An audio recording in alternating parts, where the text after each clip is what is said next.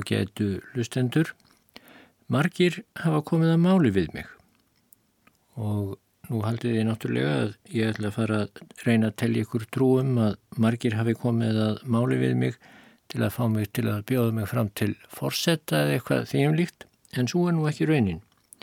Hins vegar er það rétt að margir hafa komið að máli við mig og beðum að fá að heyra meira úr bók sem ég las upp úr fyrir mánuði síðan en það var síðasta skip Suður eftir Karl Föðurminn, Jökul Jakobsson, sem kom út fyrir réttum 60 árum.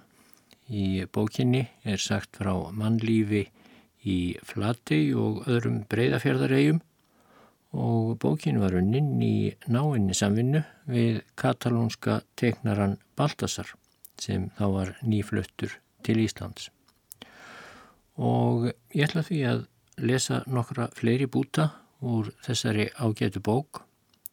Og þar var komið sögunni að höfundurinn var á leið í seladráp. Og hann skrifar Hergilsei stækkar óðum eftir því sem við nálgumst. En í þetta sinn higgjum við ekki á landgöngu á þessum sögufræga stað.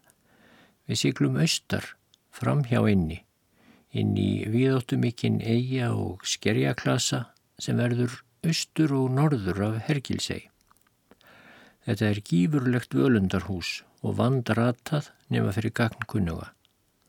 Fuglar fljóa upp af sjó og skerjum hvar sem við förum, skarfurinn tegir langa hálsin og ber vangina ótt og títt og sömulegis lundin, þessi skrautlegi fugl sem fer aldrei úr sparifötunum og er þó sívinnandi, ímist að grafa sér hólur í jörðina eða sækja sér björg í bú út um allan sjó. Svartfuglin skýst eftir sjáarfletinum þegar báturinn nálgast, ellegar stingur sér á kaf og stundum sjáum við honum skjóta upp viðsfjari. Máfurinn fer sér að engu óðslega og veiðibjallan sveimar hátt yfir höfðum okkar með hásu gargi og grimdin leinir sér ekki í hljóðinu.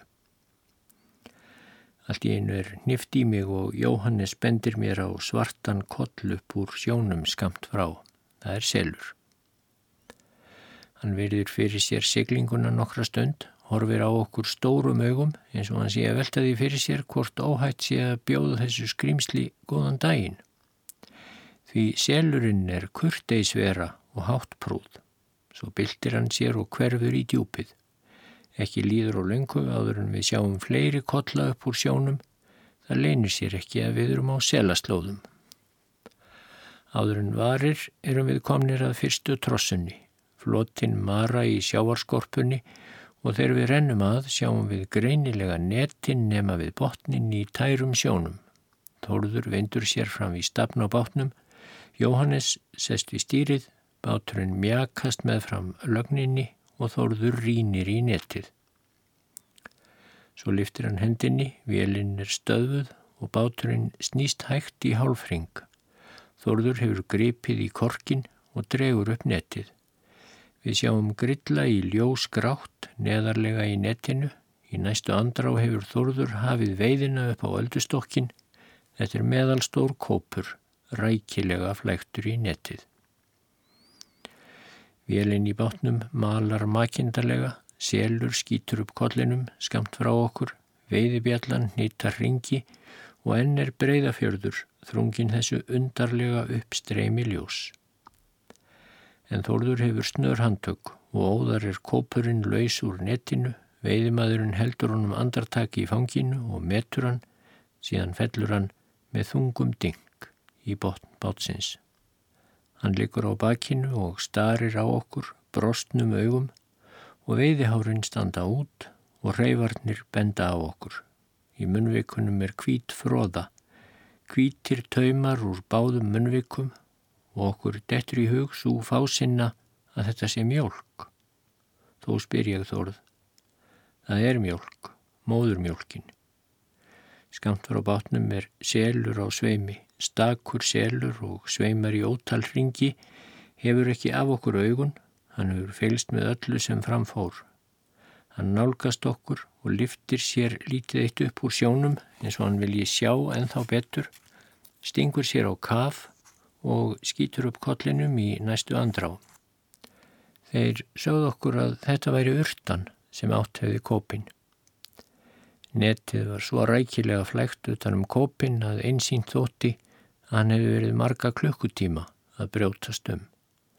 Lásjáfað var og því hefur hann haft tök á að reka trínið upp úr sjónum öðru hverju til að anda. Lungun hefur hann fyllt af lofti, síðan haldið áfram örvendingar fullri baráttu sinni við þennan miskunarlösa óvinn, netið sem þjarmaði áðunum á alla vegu og remdi hann því fastar sem hann braust hraustlegar um. Unst þar kom að þrótturinn dvínaði, fjörið dapræðist, lífið fjaraði út og aftur varð sjórin lign við skerið. Allan þennan tíma víkur urstan ekki frá afkvæmi sínu en heldur sig sem næst því og þess eru dæmi að hún hjálpi kópnum að losa sig. Löngu eftir að kópurinn er dauður víkur hún heldur ekki af verðinum en sveimar í kring uns öll von er úti, kópurinn hefur verið innbyrtur. Og jáfnvel þá er þess dæmi að hún grípi til örþrifa ráða. Vigfús hefur sagt mér frá urtu sem reðist að bátnum eftir að afkvæmið hafi verið innbyrt. Hún læsti tönnunum í öldustokkin og freystaði þess að bylta sér um borð. Þeir áttu fullt í fangi með að losna við hana.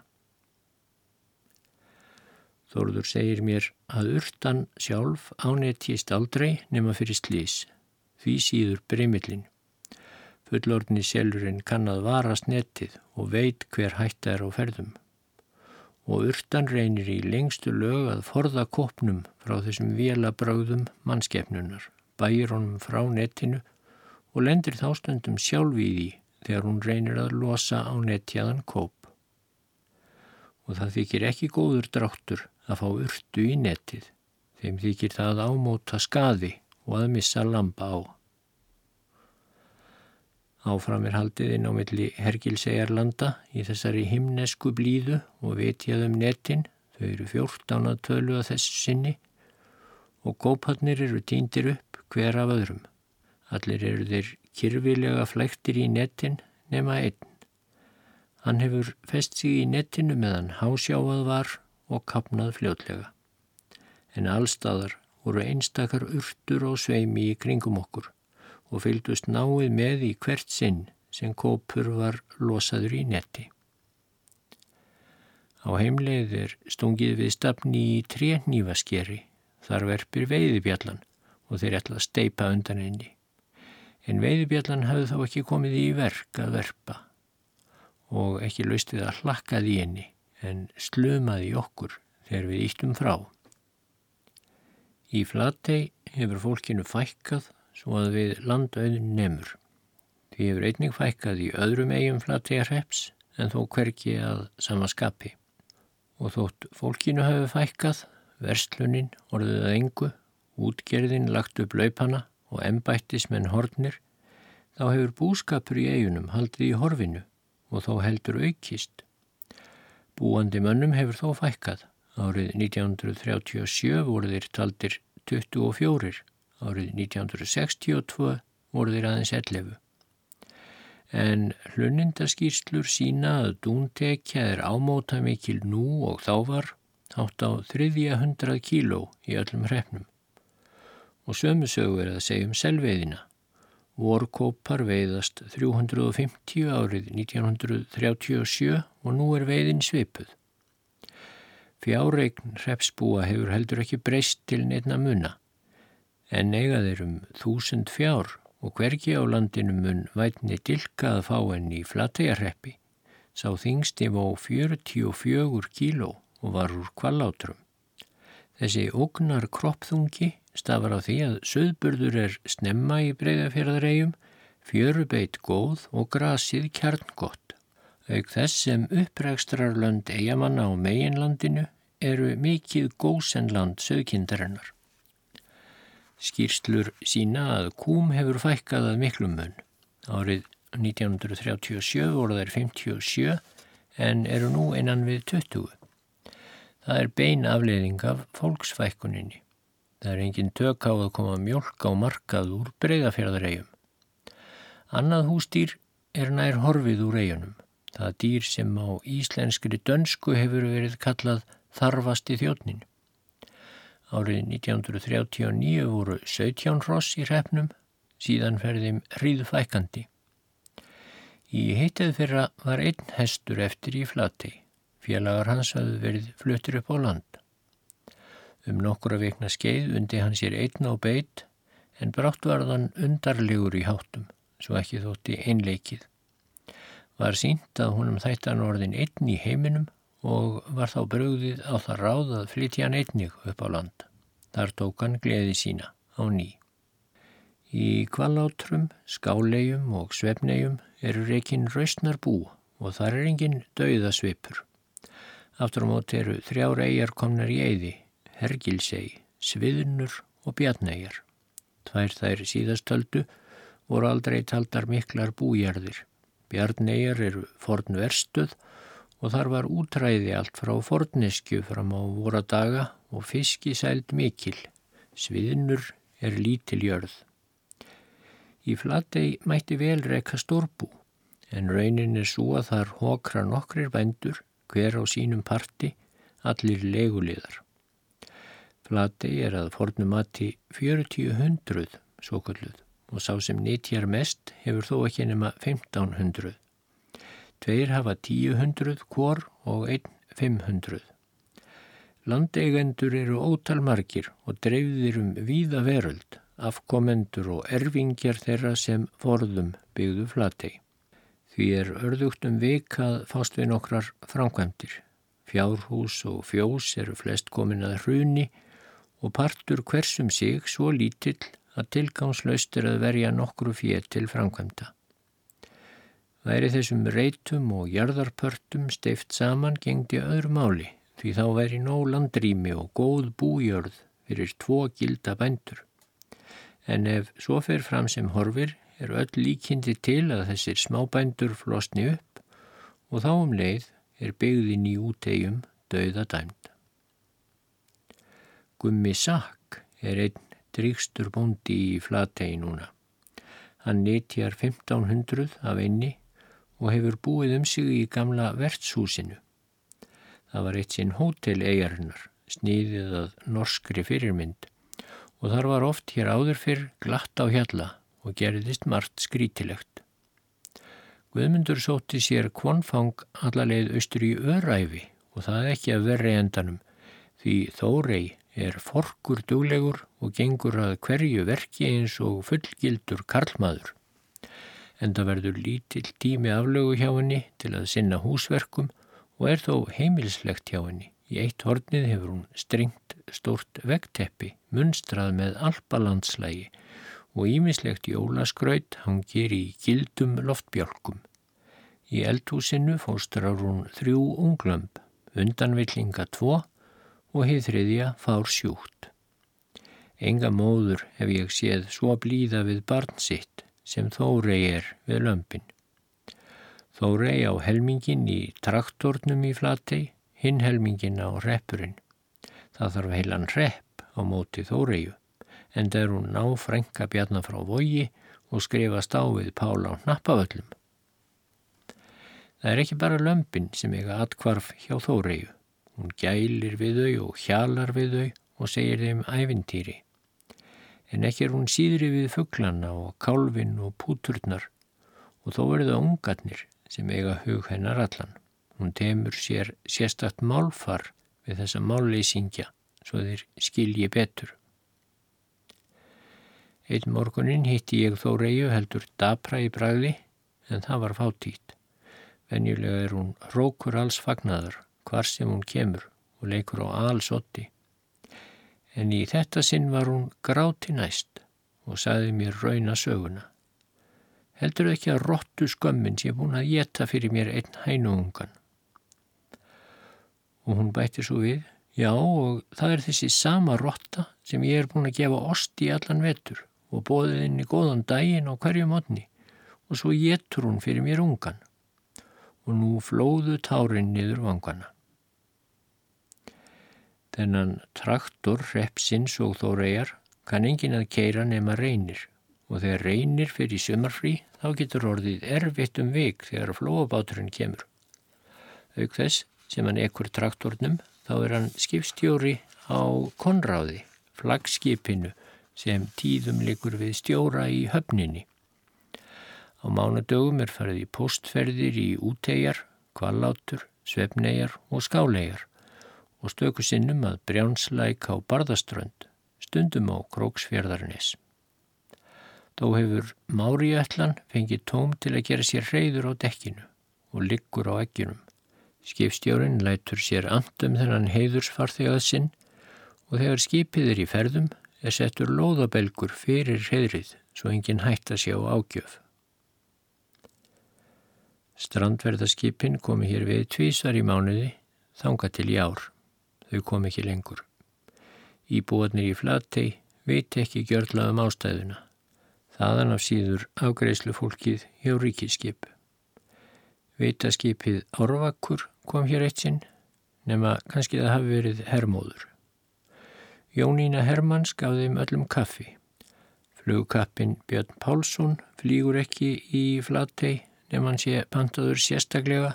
Flattei er ekki lengur í þjóðbraut og þessir flateyingar sem eftirlifa, þeir sem muna tíman að tvenna, rennur þeim ekki til rivja hvernig komið er.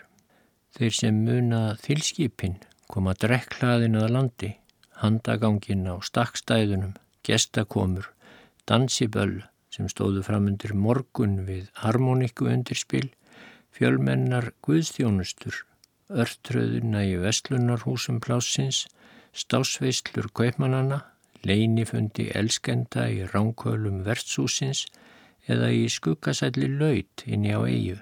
Allt þetta munaðir enn. Þegar sótt var til flattegar ofan af landi, utan úr eigum, sunnan af snæfellsnissi. Sitja þeir auðum höndum og býða domstags, býða þess að máfurinn og rottan verði einum hittuna, mannlífið lognist út af. Þeir stopnuðu hlutafélag hér um árið og ætluðu að hefja viðreist, ætluðu að koma frist í húsinu í gang, hefja útgerð á ný, en þeir máttu sín einskis gegn þungum ströymi tímans. Það kom maður að sunnan með fullar hendur fjár úr ríkiskassanum. Á hann mændu allir vonaraugum en á nýskildi hefja reist staðarins, aðtafna líf og önn. Vélarnar í fristihúsinu voru ekki í gangað heldur. Útgerðin lognaðist út af á nýjanleik. Framundan er ekki neitt. Því er ekki að undra þótt framstígi myndir úr fortíðinni þegar þannig er komið. Myndir þeirra manna sem áður settu svip á þetta hér að. Gipgórn austan við kirkjuna stendur lítið hús á hárrygg eigunar, yfirlætis löst og prút. Ókunnýr getu haldið að þetta væri aflóa rútakofi, ellegar formt líkhús, en þetta er elsta bókasafsbygging á Íslandi. Við sem búum við mælikvarða bændahalla og háhísa eigum bátt með að ímynda okkur að það hafi verið sérstakt afreg að klambara saman þessum kofa utanum nokkrar skræður. Þeir sem heimta tölfræðilegan mælikvarða á alla hluti geta þó reiknað út miða við kjörþjóðarinnar og íbúatölu landsins að sambærileg bóklaða á okkar dögum er þið tæpast minni í sniðum en hálf bændahöll. Þó er langt í frá að litla bókasapshúsið í Flatei sé reist fyrir ofinbert fjö. Það var kaupmaður á staðnum sem gaf mestan hluta þess fjár sem til þess þurfti. Og hver var sá Ragnar sem fyrir hálri annari öld stopnaði til bókasaps vestur í breyðafjörðaregjum fyrir alla alltíðu manna. Á gömlu skjali standa þessi orð Undir skrifuð ekta hjón, ég, Ólafur Sývertsen, sóknarprestur til flattegar og múlasafnaðar og ég, Jóhanna Fridrikka, hugfestum okkur á vorum giftingar degi þann 7. oktober 1820 það ráð að fá á stopn sett eitt lekatum af bókum og peningum til eblingar upplýsingu, siðgæði og dugnaði í flattegar repp.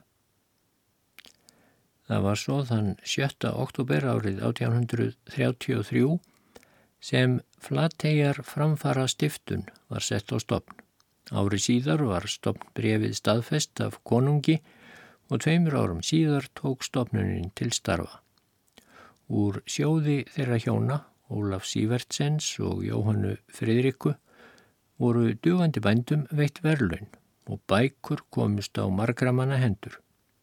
Þessi stopnun vakti aðtikli um land allt og var til margvíslegar kvartningar góðum mönnum.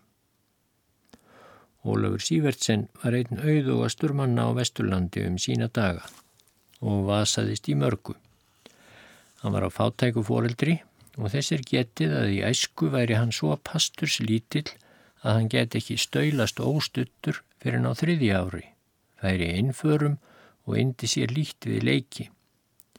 Hins vegar var hann næmur og aðtugull snemma og lærði að draga til stafs á rosskjálka, svo var pappírskortur mikill á heimilinu. Ólafi Sývertsen var ekki ætlað skólanám, þótt hann hliti einhverja tilsögn hjá prestum, hins vegar las hann allt sem hann komst höndum yfir og allar Íslendingasögur þær sem ekki voru prentaður. Árið 1811 er hann sendur til Reykjavíkur að selja varning föður síns og þar lendur hann í vist hjá biskupskrifara og kynnist geir biskupi Vítalín sem liði honum ímsar kjenslubækur og veitt honum frekari tilsögn. Þó var það ekki af meiri mentun að sinni. Ólafur snýri heim í hrútafjörð undir sláttin. Þó fór svo að lokum að Ólafur komst til menta hjá sér að Páli Hjálmarsinni sem síðastur var skólamestari á Hólum. Hjá honum var hann tvo vetur og að þeim tímaliðinum þá sagði lærimestari minn mér, skrifaði Ólafur, að ég mætti óhrættur sigla til háskólans. Að loknu stúdensprófinu var Ólafið það mest í mun að sigla til Kaupmannahafnar og stunda háskólanám. Ímislegt bendir til að hann hefði annarkort valið sér íslensk fræði eða lækningalist. En hann komst hverki fyrir fjelleysi og atvikinn haga því svo að hann lendir vestur í flati og breyðafyrði og ræðist til guðmundar skefings. Þessir áður fylgdi jörundi hundadagakonungi að málum. Ólafur hefur vonast til þess að þessi auðu í kaupmaður styrti hann til háskólanáms en þær vonir brúðust. Þessi stað ílendist hann í flati og varði einn mesti auðmaður um sína daga, héraðshöfðingi og fóristumadur í menningarmálum og þjóðfrelsispolítík. Hann gongaðist Jóhannu Fridrikku Ejjólfsdóttur og gaf henni 1000 danskar spesíur í morgungjöf og 100 lóði í smíðuðu borðsilfri. Hann dreymdum að eignast þýlskip og výðist til prests. Hjá okkur eru jafnast 7-8 vinnumenn og jafnmarkar vinnukonur, millir 20-30 manns í heimili en oftast fjórðungi fleira til fæðis. Fjóra menn hafði Ólafur í róðurum í útveri og þrýr bátar gengu frá honum til sjávar á vordag. Tíu gripi hafði hann í fjósi og söðfíja hátt á annað hundrað, auk þess sem hann hefur á fóðurum á landi uppi. Sáðgarða hefur hann þrjá. Á þeim bæ eru tveir vefstólar og í þeim ofið 800 til 1000 álnir vaðmála á ári, einskjefta og boldang, þess sem Erlendis er stampað og yfirskorið í klæði, segir hann. Þessi reyni getið að það var síður Jóhannu Fridrikku að gefa vinnukonum sínum sparifatnað og kýrverð þegar þeir giftust burt. Um það leiti sem Ólafur Sývertsen er uppi er nýpinn tjóð í vanda. Heimd og volæði, þrekleysi og vanmáttur er enginni þessa fólks sem hér hafði orðið innleiksa á vikingaöld. Úrræði voru fá, djörfung til að neyta þeirra enn minni. Því er það nokkur áreinsla fyrir nútíma mann að gera sér í hugalund hvert áttak hefur þurft til að koma ýmsum þeim hlutum í framkvæmt sem Ólafur Sývertsen og aðrir hans líkar varu fram. Hann let sér ekki næja að ala söðfjö og gera út. Hann dreymdi stóra drauma um aukna mentun og herri félagsþroska almennings. Honum auðnaðist að vísu ekki að setja á stopn skóla í flatei eins og honum leik hugur á, en þessi stað tók hann börn og unglinga, fjögur til sex árlega, í kennslu heima í hólsbúð og veitti þeim alla fræðslu. Konan hans tók eigifæri megar og kendi þeim hannirðir og hústjórn. En það segir merk samtíma heimild að hvergi um þessar slóðir hafi unglingar verið jafn vel uppfrættir og í sóknum Ólafs. Mart afbræðs fólk er síðar áttu eftir að láta að sér kveða á ýmsum sviðum nöyð fyrst fræðslu hjá sér Ólafi Sývertsen. Fræðslu starf sitt stundað hann í flati um 20 ára skeið og hóf það um svipaleiti og þau hjón settu á stopn bókasafnið. Í þá daga mátti heita að Íslendingar hefðu valla séð dagsins ljós alls gáðir nema endrum og eins í tvær aldir. Sér Ólafur gerðist ótröður forvíismadur bindindi samtaka og uppskarað launum, spott og spjö. Hann gegst einnig fyrir því að læknir erði fenginn til flattegar og böðst til að leggja fram 300 ríkistali sjálfur í því skyni. En konungur sinjaði þó eigamannum um lækni. Þá tók sér Ólafur sig til og kynnti sér læknisfræði eftir föngum. Hann var heppin homopati og þess getið að hann hafi ráðið bót á margra meinum. Árlega kefti hann líf fyrir hundrað ríkistali og veitti fátækum endur gjaldslöst. Lækningaleifi fekk hann þó ekki. Ljósmaðurafræði let hann dreifa meðal húsfreyja í hrefnum og stuðlaði því að kaupmenn flyttu ekki inn brennivín. Honum taldi stil að Íslendingar eittu 150.000 ríkisbankadölum í brennivín árlega. Hann let ganga lista um eigarhepp og ætlaði þeim að skrifa nöfn sína á sem vildu ganga í bindindisfélagið. Þar gata að líta til dæmis Magnús Gunnlaugsson smiður gengur í bindindisfélagið en sípur á þegar honum líst. Ólafur Sývertsen var gæfumadur en það er þess ekki getið að hann hafi nokkru sinni sagt brandara. Hann eignaðist halva flati áður en laug og margar eigjar aðrar meðal annars mestan hluta kvallátra. Ótaljarðir áttan upp á landi og eignaðist með ímsum hætti. Til dæmis gerðist aldraður búndi prófendukall hjá sér Ólafi og lagði með sér nær allan skálmarnesmúla en svo jörð var þá talinn til 60 hundraða. Ólafur gerði út vestur undir jökul og norður fyrir bjarg. Um eitt tíma átti hann hlutað þýlskipa útgerð. Honum lánaðist allt vel er hann tók sér fyrir hendur. Þau hjón áttu barnaláni að fagna. Eiríkur Kúld var sonur þeirra, mikill klerkur og ötull stjórnmálamadur. Eiríkur nami bestastaðaskóla og var fluggáfaður, sérlega lipur og vel liðinn ágætasti eksamenmaður og alltaf efstur í skólanum. Engin þótti Eiríki fremri að þýða úr fornmálum nemarlæri fadir hans, Sveinbjörn Egilson, rektorinn á Bessastöðum. Engin veit með vissu hvernig á því stóðu þessi gápna hestur sildi ekki til háskólanáms. En raunin varð svo að hann kvæntist dóttur Sveinbjarnar læriföður síns, þurriði og varð hjónaband þeirra mikið stand Hún var þó leynilega trúlofuð öðrum pildi í Bessastaðaskóla sem ekki treysti sér til að etja kappi við hólsbúðar auðin. Þau Eiríkur og Þurriður bjóku fyrst í Flatei, var hann aðstóðarprestur föður síns. Síðan flutt hann til Helgafells í Helgafellsveit, engum vegna þess að tengdamæðgurnar gátt ekki á sárshöfði setið.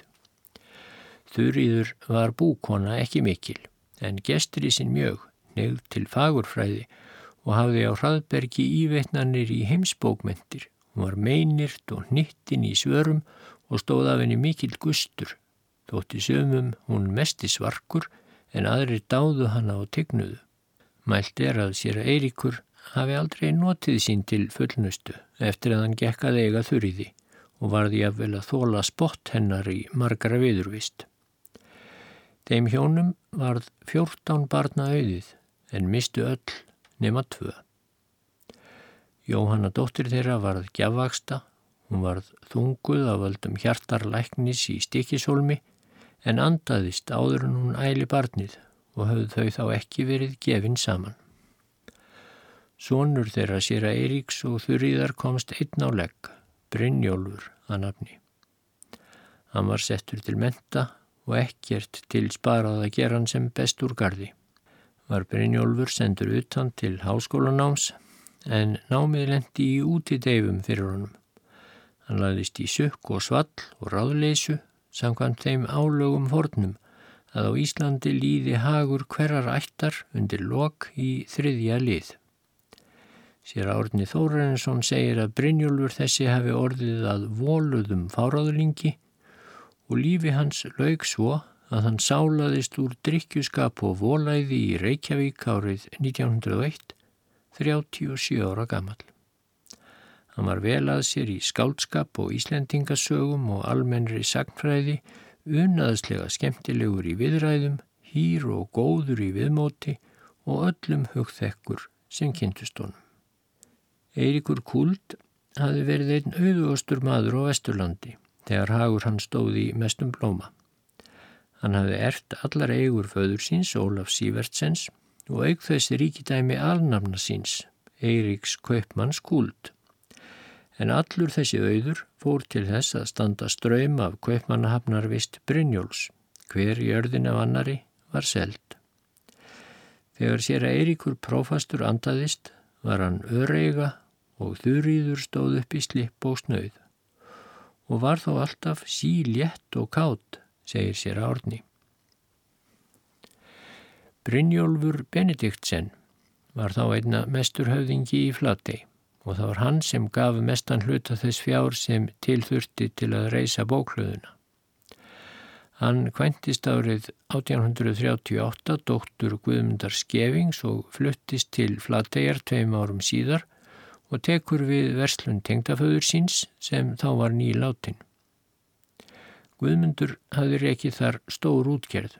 Fyrsta árið sem Brynjólfur bjó í Flatei reisti hann mikið og vandað timpurhús og er til þess tekið að stofurnar hafi verið forkostulega skreittar.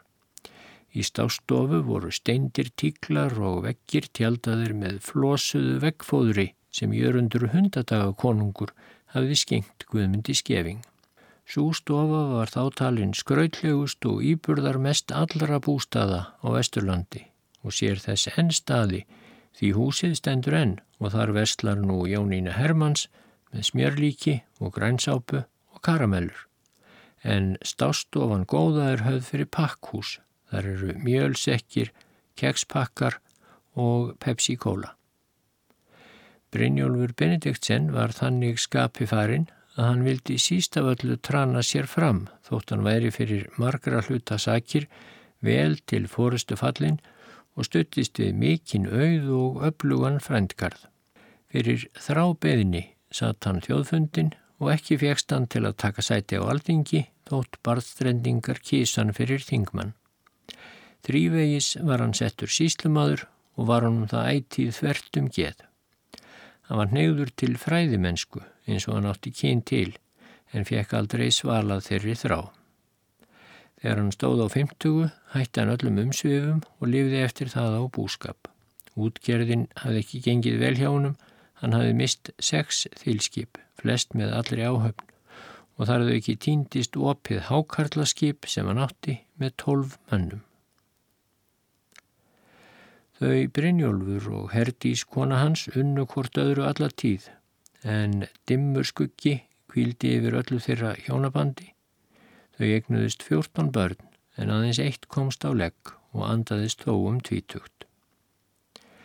Brynjólfur Benediktsen hefur getið sér maklega fræð þegar hann byggði hús yfir bókmyndir í Flatei en ómæld er önnur þakkarskuld sem íslensk þjóð á viðan.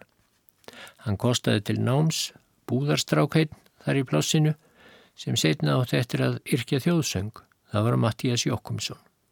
Mattíasi hafi verið komið til Sigurðar Kaupmanns Jónsens í Flatei og kunni þá korki að reikna nýja skrifa svo heitið gæti þótt hann væri á 17. ári. Segir Mattías svo frá, hef ég hverki séð hér á landi meiri vaskleik síndan, feimleik áræði og fjör en í breyðafjörðaregjum voru þar þá stórbú og fluttningar tíðir á tólværingum en fjenað allan og eldi við verður að flytja að sækja til lands og svo fara skreiðarferðir út undir jökul en stundum og það um hávetur færði hákarlalegur langt út á flóa. Mattias hvaðst hafi verið lít þroskaður þegar hann kom í flatei. Varð og drjúgum heimskari þar í fyrstu því ég var sem komin í nýja veröld hendum en gaman að mér og engum mín unga og káta húsmóðir tók hún mér tak þegar henni síndist til að æfa mig í að dansa og ringsnýri mér svo að lokum að ég vald á gólfið og dró hana með mér. Frú Kult tók mig líka snemma fyrir. Hún let mig tala við sig dönsku og gunni ég dálitinn gröð og byllaði það sem aft tók. Hvað spýsti í til middag? spurði hún. Slengsúpu, svaraði ég.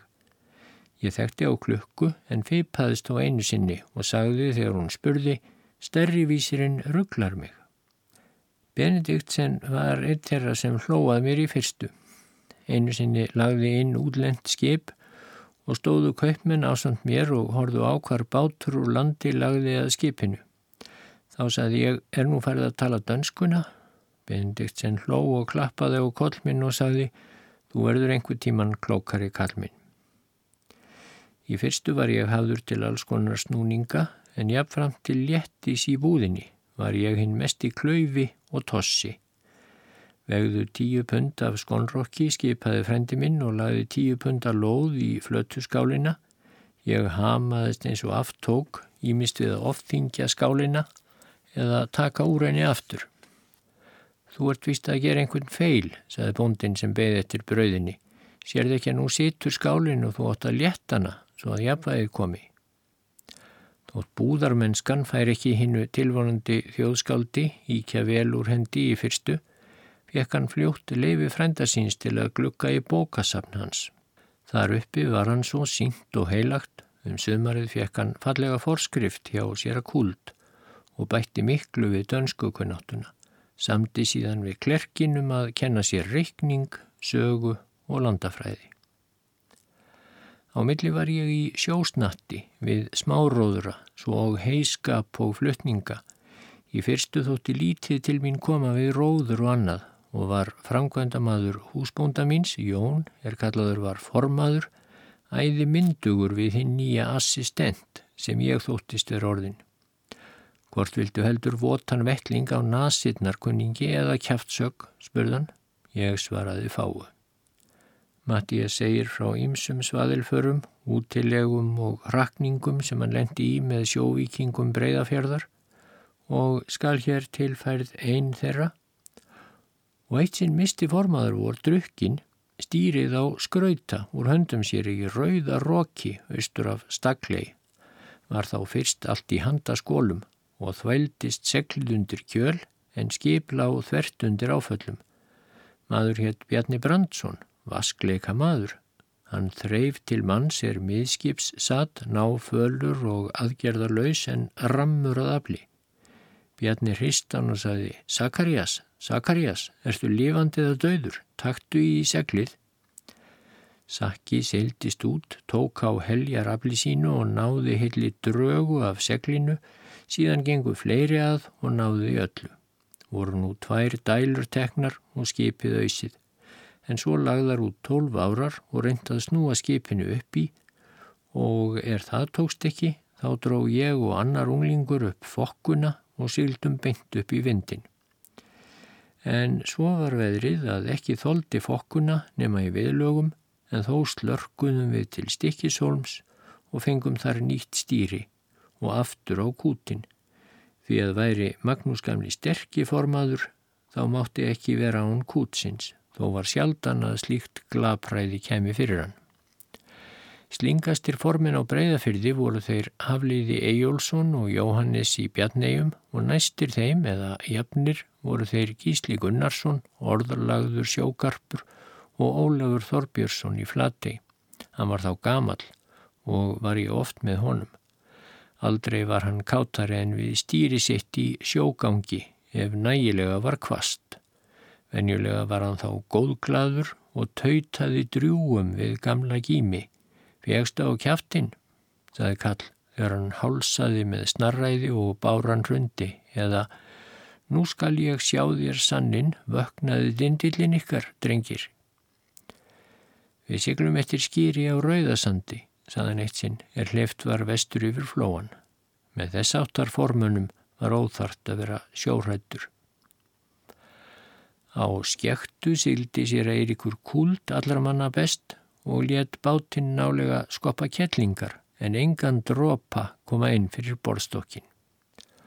Oft hefur verið glatt á hjalla í prófashúsinu í Flatey um þær myndir og mattamann þá ekki ætið hirt um geistlegt yfirbræð sem slíkum húsum hæfir.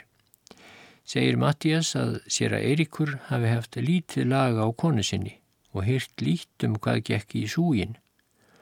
Hún var og afar mikið gjörn til gladverða, unst það fór fram úr hófi, skipti bóndi sér lítið af því nýja öðrum háttum hennar og voru þó sjaldan aðrir að skemmtinni en misjamt ungviði, einhverjum kennslupiltar prests og nokkra stúlkur sem var heldur kátar, lendi þá allt í ólátum, jólaleikjum og annari vittleysu, til dæmis að vera úlfur eða tófa eða lamp, flökku, kindur og svo framvegis, brotnuðu þá borð og bekkir uns allt var komið í uppnám.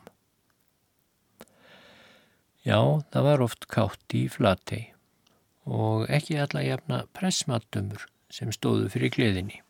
Einn mestur fjörmaður sem komið hefur í flatei reyndist svo hamslaus að hann varð að flytja í böndum á burt.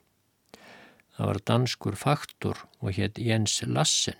Það var fyrsti faktor í flatei eftir að farið var að versla þar á nýjanleik árið 1777.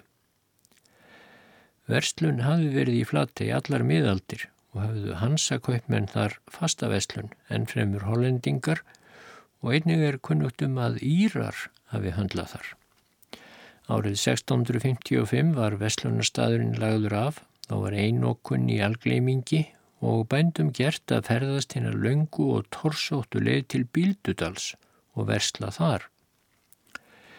Í rúma öll durðu flatteingar þar við að sitja en þá loks fenguður leiðrettingu mála sinna hjá vorum allra mildasta arfakongi og verslun var sett á ný í flati. Þá voru settir hinnir gildu festarringir úr járni við höfnina í flati þeir sem enn loða saman, riðbrunnir mjög og stökkir. Vestlunarhús voru reist þar sem þjóðverjar hafðu búðir sínar forðum og vörum skildi skipa upp í þýskuvör og gríluvogi. Með lassen faktor kom Snjólfur Viljámsson Beikir með koni sinni og settu steinu að í flati og hófst kaupstefna. Eyjamenn og barðstrendingar flyktu stað og voru harla fygnir henni nýju verslun. En eigi voru allir svo gætnir sem þurfti, segir á einum stað, er þeir voru svo námynda víni og varningi. Um Lassen Faktor segir Gömul heimild Hann sóaði nú öllu út og vanhyrti hvað eina sem hann hafði undir höndum, kastaði óhóflega fétt til ungra kvenna og karla, bæði víni, varningi og gjaldi og mátti það óhóf ei lengur standa. En öðrum hlýfði Lassen ekki og virðist hafa tekið fullmikil völd í sínar hendur. Hann sett upp gapastokk við kirkjudýri í flatei og nefti þar þá er honum voru ekki að skapi. Húsbóndi Lassens komst fljótlega á snóður um svallhans og óreglu og sendir hún mann til höfuðshónum, danskan og hétt sá Nevel. Skildi hann hafa gátt á öllu reikningshaldi, viðskiptum og ekki síst lífverðni faktorsins. Er ekki að orðlengja það að þeir Nevel og Lassen lögðust nú báðir á eina sveif og hvað enn rammar en áður að sökkinu í flati. Nú upphófst kvennafari í stórum stíl og var engin kettling svo auðm í einni að hún væri óhullt fyrir þeim félögum og kom til lítils að gatta bæin.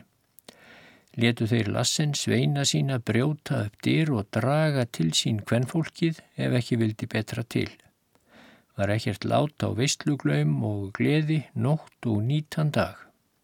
Í ölæði gerði lassen sér það eitt sinn til dundurs að möllbrjóta opnin í herbergi sínu með sleggju, skömmu síðar sást hann á sjávarklöppunum við Þískuvör og flegði ógrinni silfurpenninga í sjóin.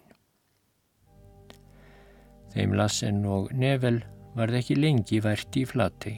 Setna rökklaðist Lassen vestlingurinn til Ísafjörðar og urðu fáir til að greiða götu hans þar. Bjó hann við kröm og kvöl og loks var hann úti á Breiðadalsheiði og var þá mjög skipt sköpum þessa veistluglaða kaupmanns.